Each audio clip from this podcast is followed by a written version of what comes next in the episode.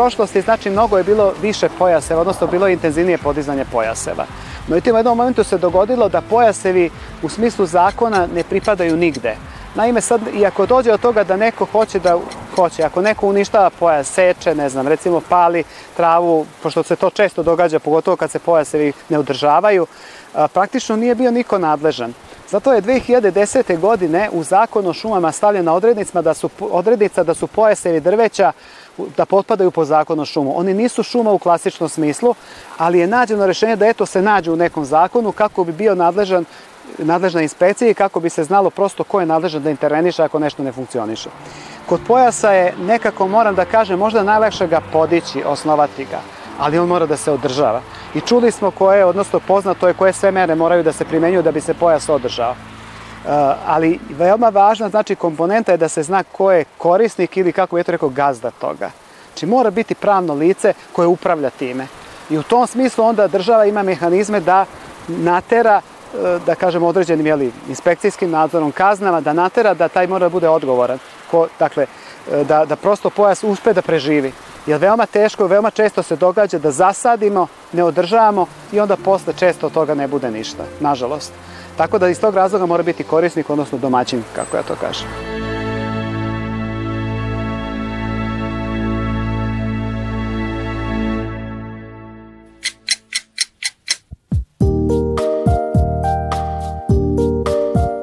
Gledate Zeleni sat.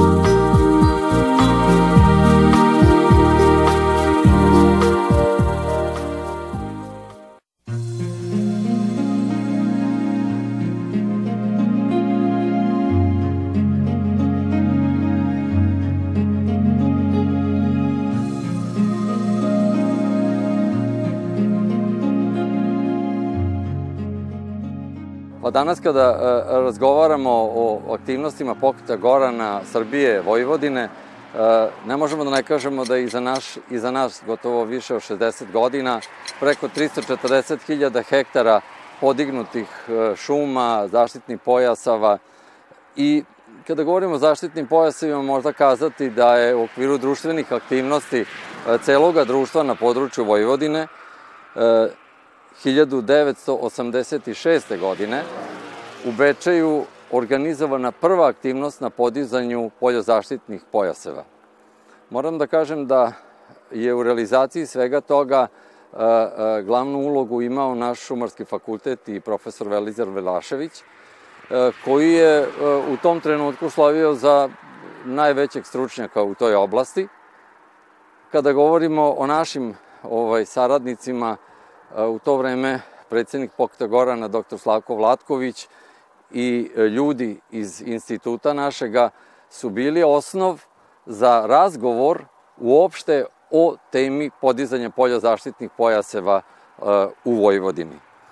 Te godine u Bečeju, e, zajedno u saradnji sa lokalnom samoupravom, goranskom organizacijom i ljudima dobre volje, vatrogascima, pčelarima, lovcima i poljoprivrednim kombinatom PIK Bečej smo počeli tu akciju podizanja poljozaštitnih pojaseva na području Vojvodine. Te godine u aktivnostima su učestvovali gorani iz cele Srbije.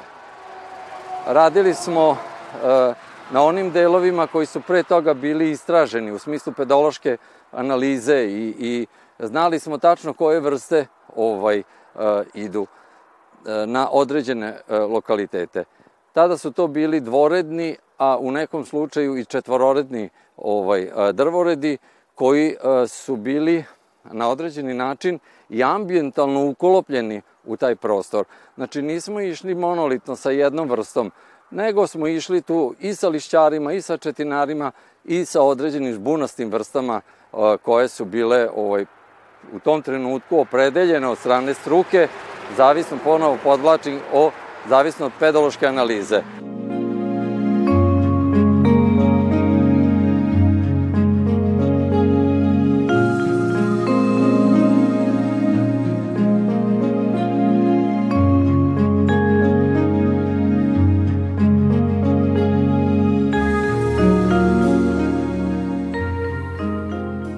Moram da kažem da tih godina je bila e, e, e, jako onako izražena želja da, da napredujemo u, u svemu tome.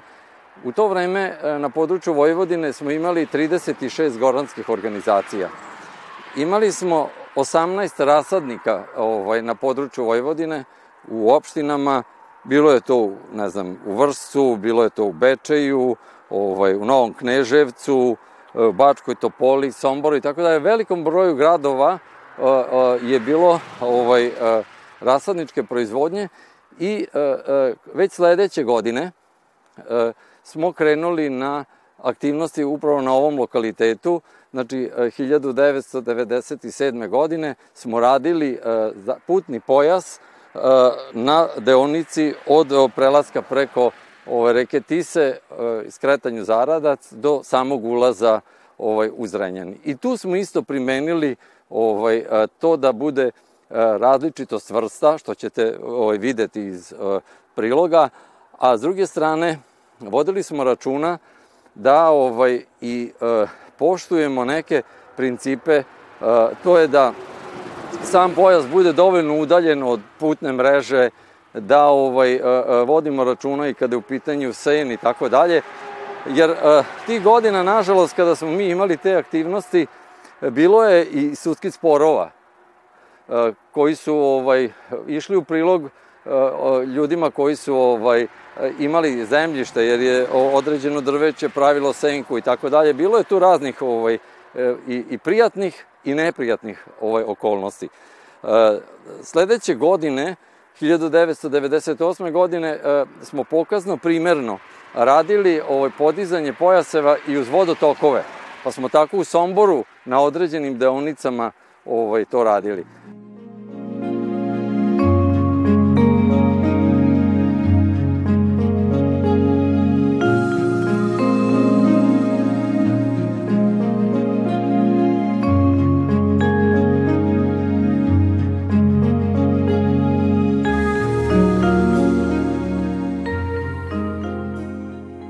Sad imamo ovde pred nama Katalpu, eno imamo tamo ovaj, Javor, ovaj, preko eno Kesten, e, ima nešto i ovaj, Lipe, e, znači e, imajući u vidu da smo te godine, govorimo o 97. Ovaj, radili ovaj put, to je bilo tako da je goranski rasadnik iz Bečeja da ona određene vrste, tako, to smo se dogovorili tako, a što nam je struka predložila, pa su, ne znam, ovo, iz Bačke Topole ovo, doneli neku drugu vrstu, iz Sombara drugu, iz Vršca treću i tako dalje. E, sve u svemu, e, mislim da na ovom delu ovaj e, puta, sad se ne sećam više ni kilometraže, ali ovaj da je sigurno negde između 5 i 8 vrsta ovaj posađeno. Možda nešto kazati i ovde, a i u nekim drugim situacijama. Mi se e, nailazimo na probleme ovaj, e, kod ovakvih aktivnosti, što ljudi čija njiva izlazi na put bi da oru do bele linije. I ovaj, nije mali broj slučajeva da su oni da li hemijski ili fizički uništili te pojaseve. Vi ćete videti sada na ovom delu puta e, lokalna samouprava opštine Zrenjanin, ovaj goranska organizacija zanavljala na nekim mestima ovaj, e, taj putni pojas, ali mislim da mora da postoji neki sklad između onih koji imaju svoju njivu i naših društvenih potreba, pa ako treba te iste ljude e, na određeni način u delu poreza koji im se ubira osloboditi, kako to rade u nekim drugim ovaj, e, državama i ovaj, zna se koliko je sen na određenoj ovaj, njivi, u tom delu smanjiti ovaj, zahvatanje strane poreza i na taj način ovaj, e, da budu ovaj, svi negde zadovoljni u svemu tome. A priroda najviše.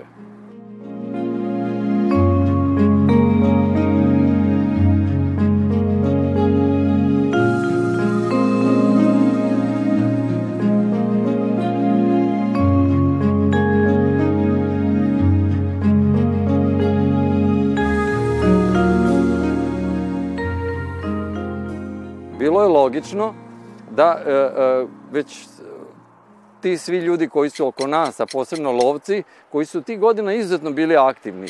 Oni su negde imali i radni zadatak svoj u svojim ovaj, lovačkim organizacijama, tako da smo e, 1989. godine e, podizali lovnu remizu pokazno primernu u Temerinu.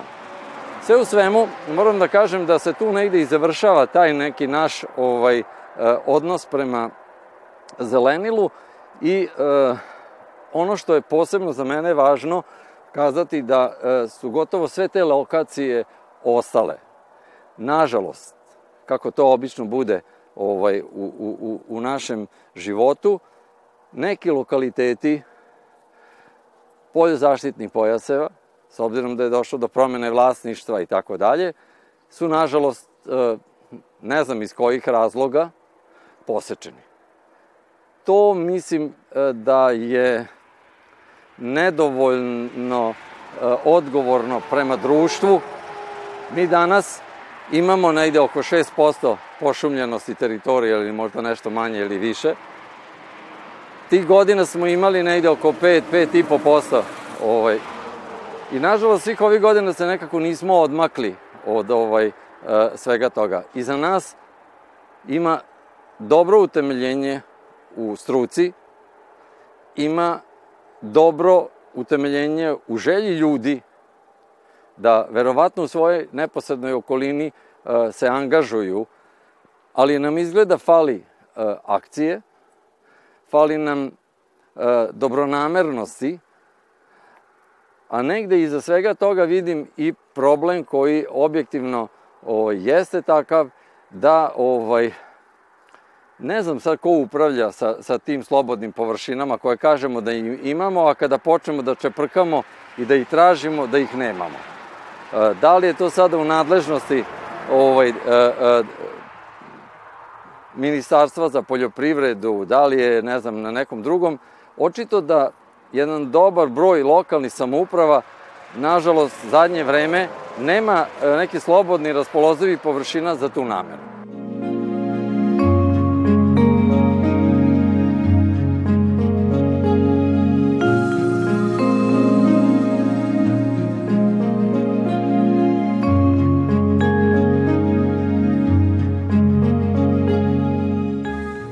Ja mislim da bi bilo dobro volje ovaj, e, građana, želje i mladih, pa konačno i naše organizacije koja je isto e, negde, ako gledamo 80. E, godine kada smo imali 36 opštinskih organizacija, sada samo imamo 6 do 8, nešto govori. A ja se bojim da iskažem to da ne postoji društvene volje. Znači, da bi se drvo proizvelo, sadnica, to moraju godine, mora da postoje uslovi, moraju da postoje neki ljudi koji će to da održavaju. Ja sve više čujem od šumara, ljudi koji se direktno bave tom strukom, da na našem tržištu nema sadnog materijala. I da je on uglavnom namenjen po programima Vojvodina šuma, Srbija šuma i onih drugih koji imaju obaveze da u ime države to rade. Da li je tako, ostavit ćemo narednom vremenu sa željom da, da ipak negde uh, ta neka uh, društvena svest, imajući u vidu i sve ove klimatske promene i sve što nas ovaj, je zadesilo zadnjih godina, trebamo da povećamo intenzitet pošumljavanja i održavanja, pošumljavanja i održavanja i da ovo, se opredelimo za jednu rasadničku proizvodnju, da li će ona biti u nekom društvenom obliku, ovo kao mi što smo civilnom sektoru, ili će biti neki privatnici koji će naći interes da to radi, ili će država ko svoja javna preduzeća više posticati ovaj, tu rasadničku proizvodnju koja će biti namenska kako za pojaseve, uz ovaj, e, vodotokove, e, uz putne pojaseve, železnicu, eto razvija nam se železnica, razvijaju se putevi, e, daj da vidimo gde ima prostora i da se na osnovu toga ovaj, opredelimo. Ja hoću da verujem da ljudi iz nauke, pogotovo u našem institutu, imaju ovaj, viziju kako će ovaj, moći u narodnom nekom periodu da unaprede tu oblast i hoću da verujem da ovo će imati ko da ih sasluša, a s druge strane verujem i to da će, ako budu građani pozvani kroz razne oblike, rekao sam da su nekada to radili i lovci, i pčelari, i vatrogasci, i, i mnogi drugi ovaj, mladi ljudi, ovaj, da to pošto, po, prosto može ponovo da se pokrene i da može da ima smisla u nekom narednom periodu.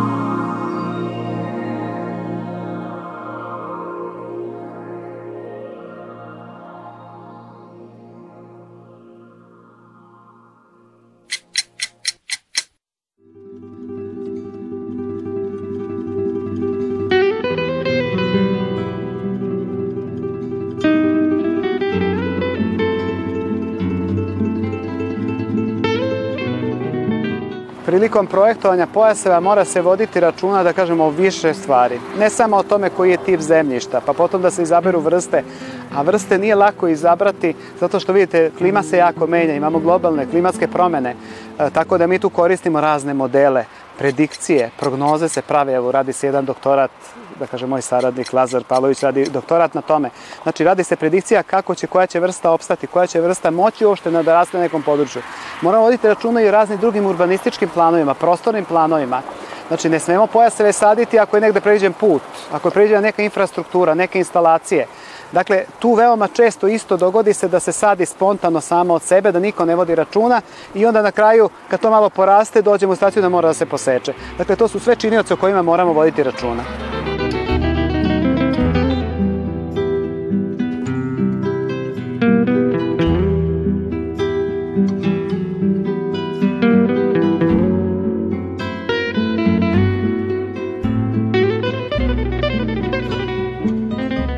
Izuzetno je značajno povezati svo to zelenilo, te zaštite pojaseve koji se uglavnom nalaze izvan grada, uglavnom su okolo grada, ređe se u gradu, sa zelenom koji se nalazi u gradu.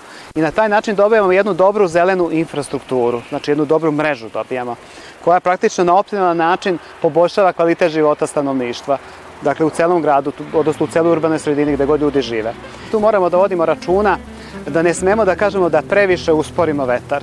Naime, zbog savremenog načina života koji je karakterističan u današnje vreme, imamo puno, da kažemo, saobraćaja, vozila, postoje industrijski kapaciteti, veoma često, dakle, ne imamo baš čist vazduh.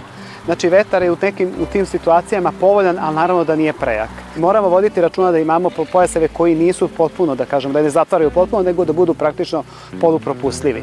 U Novom Sadu, u gradu Novom Sadu, da kažemo, postaje vreme, čine se zaista veliki napori na poboljšanju i stanja zelenila i uopšte pravimo, preduzimamo sve mere kako bismo bolje upravljali i gazdovali zelenilom, da tako kažem.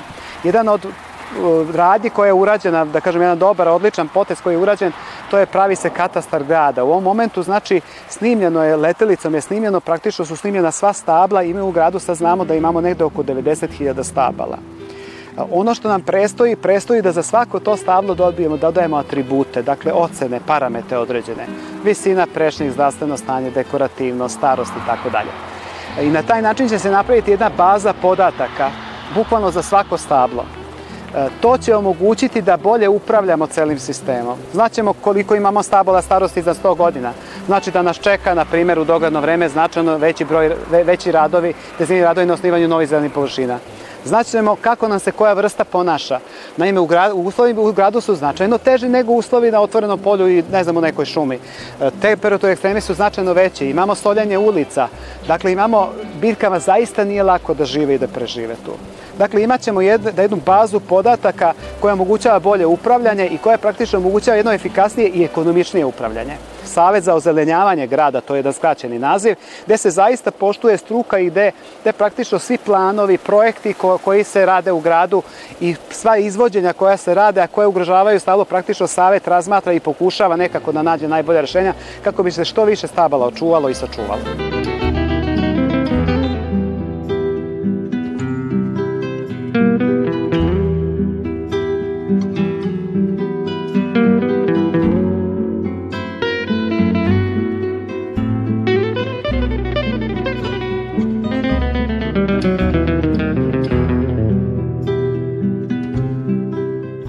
Zaštitni pojasevi imaju, da kažem, i druge koristi. Jedan od najvećih je svakako uticaj na klimatske promene, odnosno, pošto proizvodimo tu, proizvodimo, tu se stvara drvna masa, odnosno biomasa, Poznato je da procesom fotosinteze praktično se ugljen dioksid, odnosno fiksira se pa nastaje ugljenik jeli, u biljkama, odnosno u drvetu. Dakle, na taj način utičemo na smanjenje koncentracije ugljen dioksida. Dakle, pošto imamo, ima dosta emisije, zna, poznato je da je emisija ugljen dioksida izuzetno povećana u, vreme, vremenu od posle industrijske revolucije, dakle, povećana je puno, da je to dovelo do praktično pojačavanja klimatskih promena, odnosno efekta staklene bašte, koje za većinu istraživača smat, većina istraživača smatra da je da su u stvari da su da je koncentracija ugljen dioksida da kažemo razlog za ove klimatske promene i ovakvu da kažemo izmenu klime koju sad imamo. Dakle, pojasevi, odnosno samo tim drveće utiče na to da vezuje ugljenik i time ga na taj način drži, dakle smanjuje koncentraciju ugljen dioksida ali svakako tu proizvodimo i drvo, proizvodimo i drvnu masu, ti pojasevi kao i svako drvo moramo shvatiti vremenom dođe vreme da se poseče, znači kao i čovek, kao i svaka životinja, biljka, sve ima neki svoj rok trajanja, odnosno neki svoj životni ciklus. Dakle, kad dođe vreme da se to i poseče, znači imamo efekat i u pogledu, da kažemo, koristi u smislu drveta, drvo možemo da prodamo. Dobro je, znači, kod tih sistema gde su, dakle, farme, gde su poljoprivredne, da kažemo, površine, da možemo taj način stvarati i održivo ili neko poljoprivredno gazdinstvo, da može da bude ogreva za to neko stanovništvo koje se tu nalazi. Dakle, sve u svemu imamo multifunkcionalne efekte uz jednu zaista dobru održivost. Tako da u Vojvodini zaista moramo raditi na tome da sadimo što više drveća, to je jedini način da mi u stvari ovaj, u ovom momentu, odnosno jedan od, jedan od najefikasnijih načina da praktično i ublažimo klimatske promene, ali generalno i smanjimo sve neke druge negativne efekte koji neke, da kažemo, poremećaju u prirodi imaju po nas.